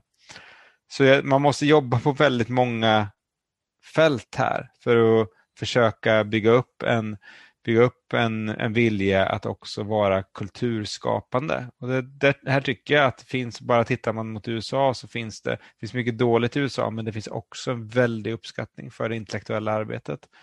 Eh, och och eh, en, en insikt om att kyrkan inte bara behöver bygga sociala institutioner eh, eller evangelisationsorganisationer utan också måste bygga intellektuella eh, institutioner. Och det finns en del sådana i Sverige, absolut, som är jätteviktiga. ÖTH nämner du och så. Eh, EHS man kan man nämna och så där andra. Men det behövs fler av detta sätt tror jag. Så ja, eh, långt och yvigt svar men ändå. Min upplevelse är ju att det finns ett ganska stort intresse också i offentligheten för den typen av intellektuell reflektion mm. kring tro. Man är så ovan med att det finns. Mm. Man är väldigt intresserad av det. Liksom. Det blir mer spännande att Ja, det blir spännande. Jag tror att, jag tror att det, min upplevelse att det finns i kyrkan också, men, det, det, det men att det liksom behövs finnas fler arenor för det. Så mm. um, så. Hade, du en uppföljnings, hade du en kommentar där P.O. Eller jag ser att du har räckt upp din hand. Ja, den ligger nog kvar sen okay. urminnes tider. Ja. Men Anders hade en fråga som var uppföljning på det. Sen kanske vi ska ta Marcus och sen kanske det är läge att runda ja, av. Exakt. Eh, ja, just det. Ska vi ta Anders som hade För det här, tema? Ja, just det. Precis. Då lämnar jag ordet till dig, Anders. Ja, nej, men jag funderar ju där de här 5,8 miljonerna tillhöriga Svenska kyrkan och vad de nås av för eh, undervisning och lärande och det där är ju någonting som jag håller på att tjafsa om i kyrkans tidning. Lång följd av år. Alltså det som är beklagligt är ju att det är en väldigt tonvikt på pedagogik och väldigt lite på teologi. Nu finns ju ett ambitiöst program om lärande och undervisning och som tog för ett och ett halvt år sedan, vad heter det, men, men som nu håller på att sippra ner. Men det, det, det är väldigt eh, oklart materialmässigt och teologiskt detta. Va? Så det är besvärande på det mm. sättet. Mm. Men, men eh, ja, det är något udda synpunkt men den finns ju där och eh, det här med de här djupa teologiska samtalen. Alltså Svenska kyrkan har ju varit bra på att satsa, eller åtminstone vissa delar på konfirmandutbildning och konfirmander men, men eh, lärande mellan för de mellan 20 eh, till 50 ungefär, va? den här strategiska gruppen, var, var finns det? Va? Mm. Men det här mest en suck. Ja, tack, tack ändå för den. Ja, då är det en fråga från Marcus han har skrivit den så jag läser upp den och sen kanske ni kan ha en dialog. Hur kommer det sig att en lära som bär på kärleken som ett sådant fundamentalt budskap tycks negligera det offentliga lidande vi ständigt utsätter djuren för? Jag upplever att det generellt närmast är en icke-fråga bland kristna jag träffar och lyssnar till. Detta är verkligen inte en försök till en gacha-fråga, utan jag undrar uppriktigt. Jag uppskattar dig väldigt mycket och tycker att du är en god ambassadör för den kristna tron i den svenska offentligheten. Tack för det uh, vänliga ord och bra fråga. Nej, men det där är ju en, en, ett, ett problem, alltså att när vi... Alltså den kristna tron har ju i sig både en slags idé om eh, en skapelseordning som gör att vi, vi får äta djur helt enkelt. Eh, det är, är, är, så är tillvaron här på jorden. Och, eh, men också bär på sig eh, bär inom sig liksom frön om att det egentligen inte är den rätta ordningen eh, med Edens lustgård, eh, det, vegetariska paradiset där ingen död finns. Eh, framtiden alltså. Eh, och även liksom fastan kan vi ses, ses i det ljuset och har tolkats i det ljuset och så. Eh, och många sketer som inte äter kött. Thomas Einarsson har en bok som, heter Paradiset åter som kom ut för många år sedan, finns nog inte tryckt tyvärr längre, som handlar om detta. Ehm, och, och det, det, jag tycker man, det första man kan säga i det här det är ju att då vi måste förstå att den industriella djurhållningen som har vuxit fram de senaste 50 åren är något annat än det vi har sett tidigare. Och att det åsamkar djuren väldigt stort lidande och att det, är, det kräver ett nytt moraliskt övervägande hur vi navigerar som etiska kristna varelser i det här. Eh, det, det, ställer liksom nya typer av krav. Men här är det lite, Knausgård gör faktiskt den här poängen i, i Babel-intervjun, jag såg den igår kväll, eh, när han talar om det här med tecknen som inte vi fångar inte upp tecknen, då tar han själv liksom köttindustrin. Där att jag vet ju att det här är dåligt, eh, ändå så fortsätter jag att äta kött. Varför tar jag inte in informationen som finns där? Så på ett plan finns det någonting liksom allmänmänskligt där. Eh, men sen så är det som att eh, eh vi har blivit liksom, det, det, det är svag sam, samtidskritik tycker jag.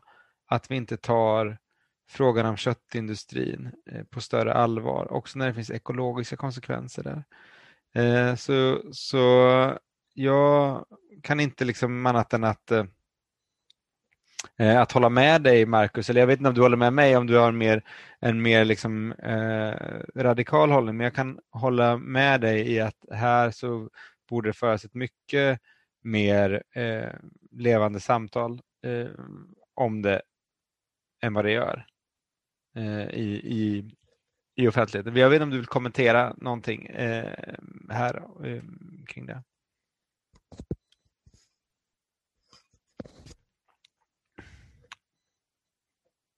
Talar tyst. Ja, det verkar... Han är mycket nöjd med mitt svar. Ja, precis.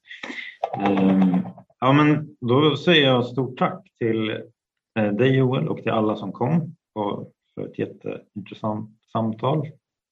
Och föreläsning. Ehm, som sagt så är nästa gång den 17 maj och eh, då är det om polarisering och eh, med Lars Trägård och Lovisa Bergdahl och, eh, och John Sjögren. Otroligt bra panel. Det mm. kommer bli otroligt intressant. 17 maj också. Om natt. Ja. Det blir, det Just det. Precis, en händelse som ser ut som en tanke. Ja. Mm. Ja, men vi säger stort tack för idag. Och, tack så eh, hemskt mycket för inbjudan och bra relevanta, jättekul och bra frågor.